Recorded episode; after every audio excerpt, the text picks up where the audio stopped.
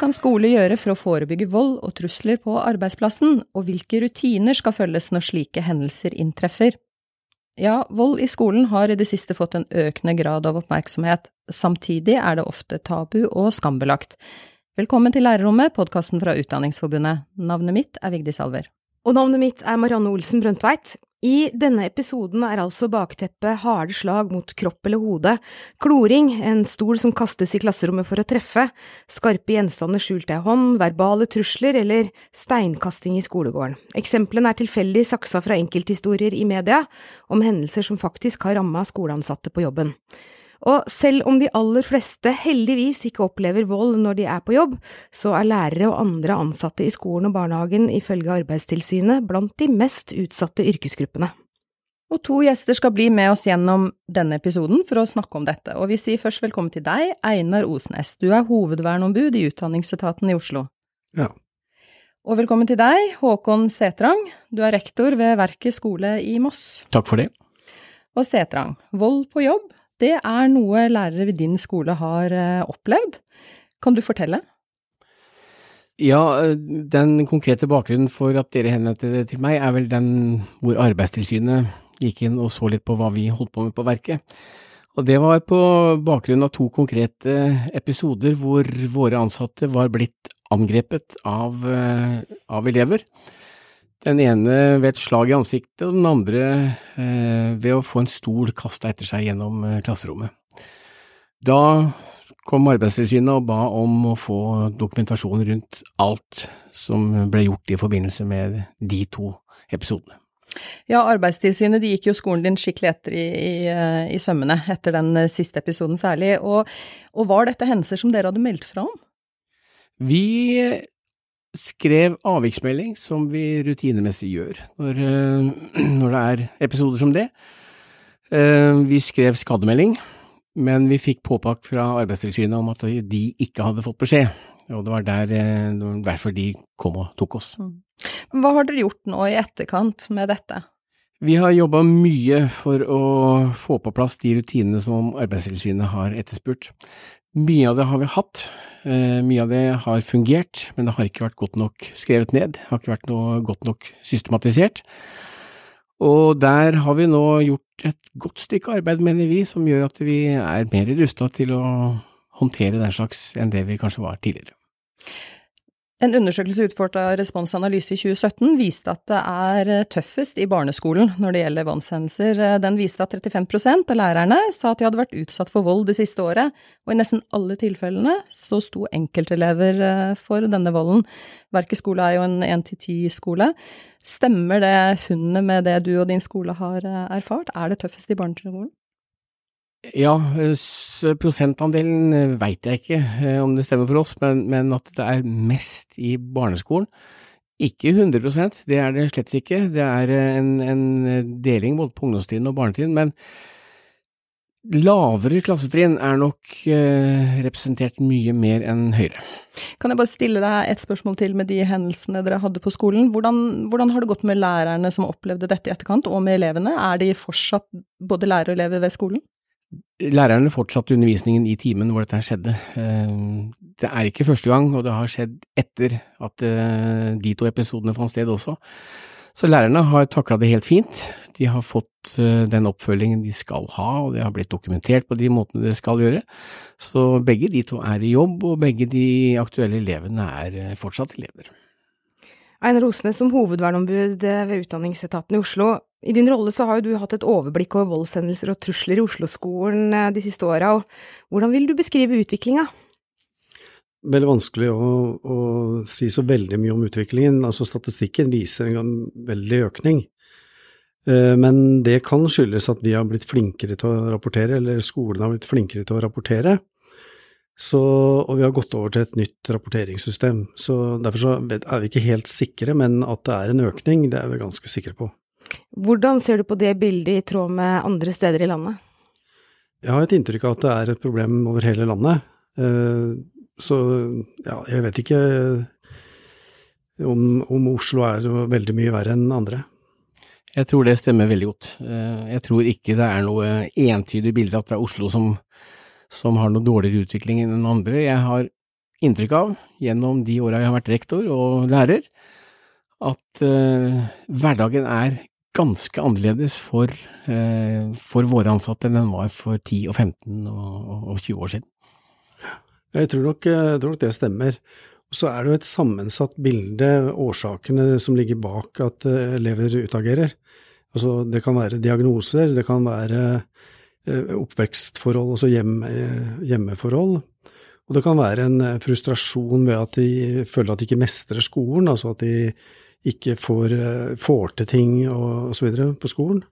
Så, og, eller at de kan slite med å uttrykke seg språklig sånn i, i, på barnetrinnet. Vil jeg tro at en del barn uh, blir veldig frustrert når de ikke uh, føler at de blir forstått. Og Når vi da snakker om denne økningen, hvordan har dere møtt dette da i Oslo? Har du noen eksempler på det? Altså vi, vi uh, forsøker å få skolene til å jobbe systematisk med det. Eh, det som du beskriver, er at, eh, at, Arbeidstilsynet har noen krav i forhold til risikovurdering og, og dokumentasjon. Og det, det, er jo mye årsaken til at vi har bedt skolene om å bli flinkere til å rapportere. Og det, det ene går på de ansattes rettigheter Eh, ved at eh, de blir utsatt for, eh, for utagering. Og det andre går på muligheten for å, å, drive en risikovurdering etter at episoder har skjedd, for å forebygge gjentakelse. Så det er to forhold som, må, som på en måte må kartlegges i forbindelse med sånne episoder. Arbeidstilsynet de gjennomførte i 2018 et tilsyn med 93 offentlige grunnskoler i Akershus og Østfold, og der ble det blant annet pekt på mangelfull opplæring eller for sporadisk opplæring blant ansatte når det gjelder både forebygging og håndtering av eh, voldshendelser. Vi har jo vært litt inne på det. Og Setrang, hva kan gjøres med dette slik du ser det eh, rundt om på skolene? Er det gode nok rutiner? Ja, for det første så, så bør det være en bevissthet rundt det. Altså Problematikken må være langt framme i panna på, på lederne. Eh, forebyggingen starter allerede ved timeplanleggingen. At vi, vi finner de lærerne og det personalet som er best egnet til å skjøtte de oppgavene de, de skal ha. Eh, vi har elever som har helt individuelle, store utfordringer, og da er det ikke noe blanko at en allmennlærer eller enhver lærer skal kunne gå inn og ta det. Men det har veldig mye med personlig kjemi å gjøre også, og individuell kompetanse hos den enkelte. Så allerede på et såpass tidlig eh, stadium så, så må planleggingen for det å ta vare på elever som vi veit utfordrer oss ekstra, starte der. Og så må vi ha en eh, ganske planmessig utdanningstanke. At vi, vi, ser at det nå er elever i norsk skole som har problemer som lærere til vanlig ikke er De er ikke utdanna til å ta seg av eh, den type problematikk. Så vi trenger å, å få inn yrkesgrupper som vi ikke har i skolen til vanlig. Eh, jeg tror det behovet blir bare større og større, for vi ser at vi møter ting som vi, vi, vi er ikke utdanna til å hanskes med det. Hvilke yrkesgrupper tenker du på? Vernepleiere, som er utdanna for å ta seg av utagerende barn. Eh, barnevernspedagoger. Eh, vi har sosionomer inne. Men det er, eh, det er yrkesgrupper som er utdanna for å se på andre ting enn en undervisning og opplæring. De ser eh, litt mer på de enkelte personene og de enkelte utfordringene. Ja, det, det samme er erfaringen i Oslo også, at det, at det å få inn f.eks. vernepleiere i skolen kan være uh, veldig bra, og spesielt i forhold til ufaglærte assistenter de, de, som vi får inn som er, har vernepleierutdanning eller annen utdanning i forhold til barn, de um, har en mer interesse for å bli i faget og i yrket, og, og, og mer motivert for å, å ta opplæring og, og, følge opp. Men ellers er det du sier med at det er viktig at lederne er på banen, det tror jeg er kjempeviktig i forhold til å på en måte sette standarden for uh, som, hvordan ting skal gjøres, og hvor, hva som er viktig at det er viktig både for de elevene som, som utagerer, som da blir lei seg etter at de har gjort det, men også for resten av klasserommet. Altså de andre elevene som er der, har også krav på en fornuftig opplæringssituasjon. Og jeg tenker også på, på det du sier, å, rigge eh, de lærerne som skal jobbe med klassene, er kjempeviktig. Og i Oslo-skolen så eh, har vi inntrykk av at, eh, at skolene er flinke til å hente inn opplysninger før de begynner på skolen. Altså enten fra barnehage eller fra avgiverskole, altså en barneskole over til en ungdomsskole. Det betyr mye, for da, da kan du starte på en god måte. Hvis du da må vente og se hvordan ting går, så har du allerede eh, lagt grunnlaget for eh, en, at det er greit å oppføre seg litt sånn utagerende, at det fungerer i, i, samfunnet. Og det er jo en del av de ungene de lærer at det å utagere gir dem en makt. Det er en måte å uttrykke seg på som, som gjør at de får makt både overfor eh, medelever og, og, ansatte. Og det tenker jeg at det er veldig greit å, å slippe at de får, får prøvd seg på det.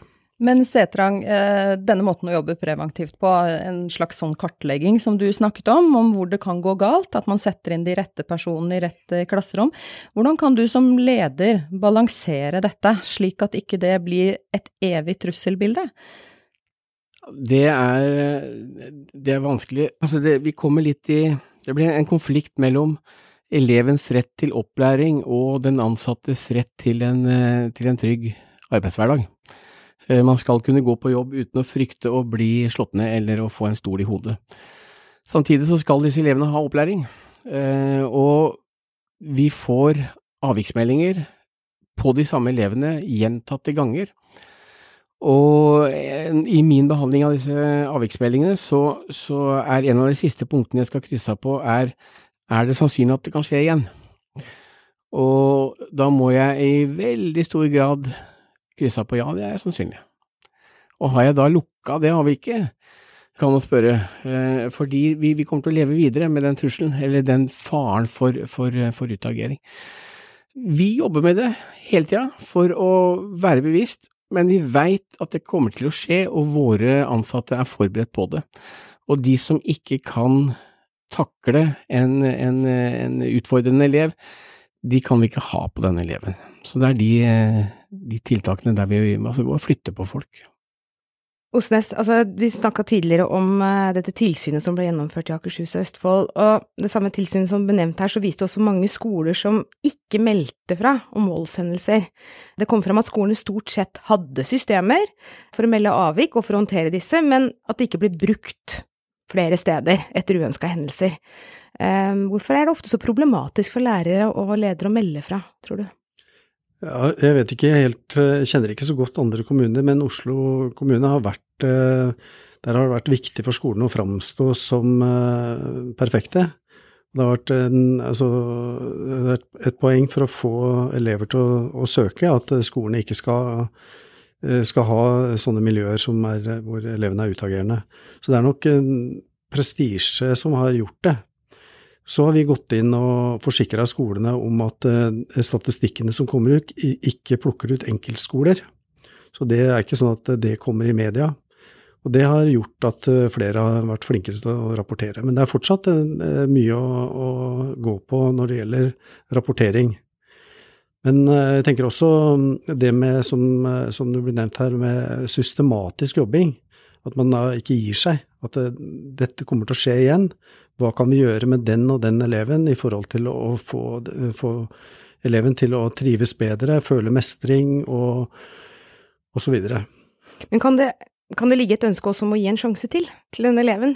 Er det på en måte en terskel å gå til et varsel og melde avvik? et ønske om å ikke lage mer støy enn nødvendig for elever som allerede oppleves som utsatt og kanskje allerede er i en vanskelig situasjon?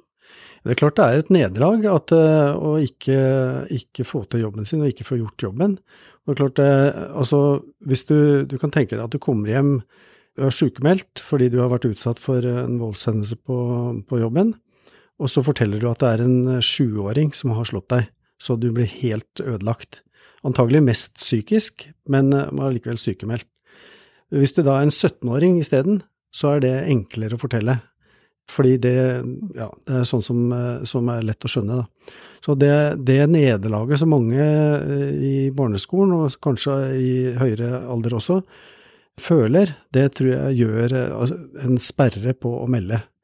Og så er det én ting til, og det er at eh, hvis det blir kasta en stol i klasserommet, og den ikke treffer, så, så, tenker jeg at det skal også meldes, fordi det er en trusselepisode, og da kan man sette inn tiltak før stolen treffer.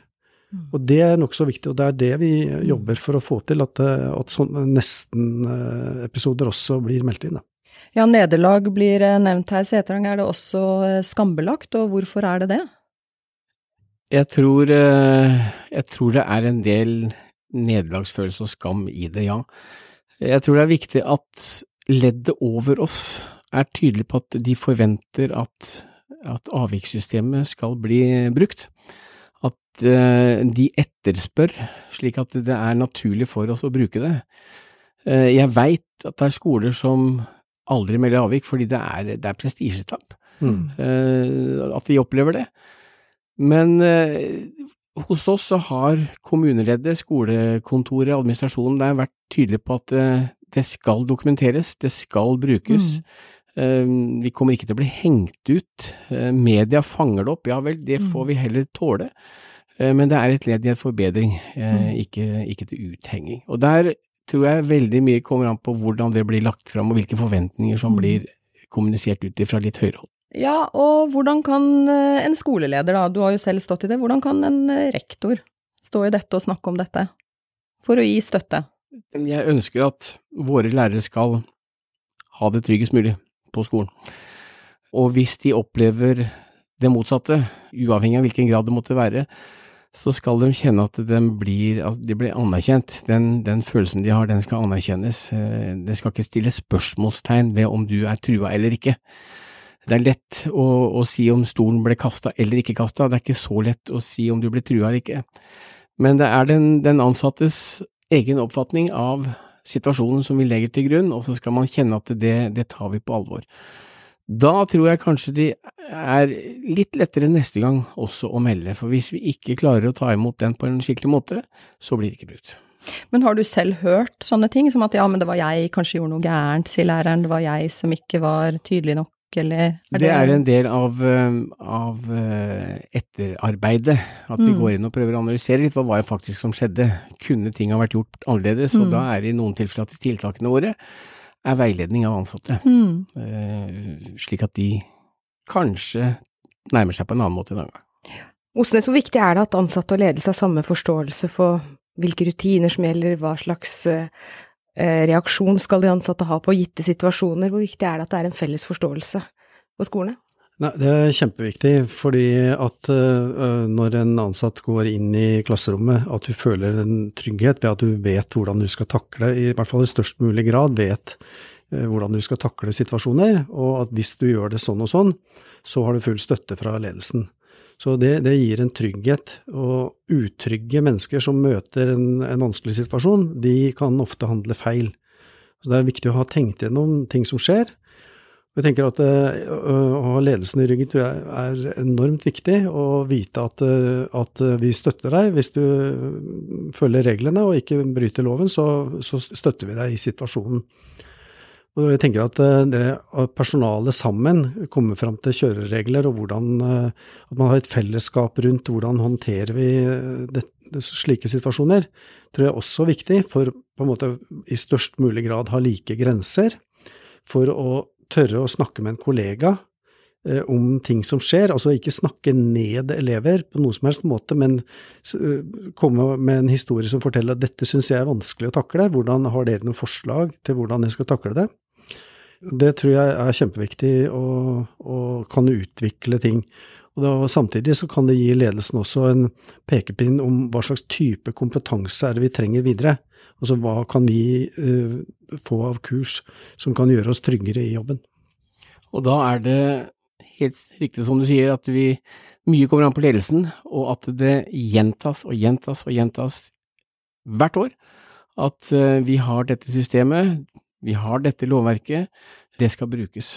Og da er det ikke gitt at den, den ansatte husker det hele tida, men det er hele tiden et lederansvar å sørge for at systemet funker. Men kan det være situasjoner eh, hvor det kan være vanskelig å definere hva som faktisk er vold eller trusler, og hva som ikke er det? Er det vanskelig definisjonsspørsmål her?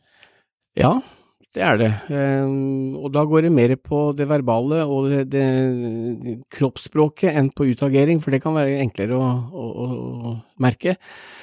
Vi legger til grunn den ansattes oppfattelse av det. Det må være liksom eh, lista. Hvis du føler deg trua, så har du vært trua, da. Og så får heller etterarbeidet vise at det var kanskje ikke så farlig likevel, men, men den ansatte skal få kjenne at det, det er den lista som legges til grunn. Oppsummert, Osnes, hva slags kompetanse skal være på plass på en enkelt arbeidsplass? Og hva skal alle vite, og hva skal alle ha diskutert?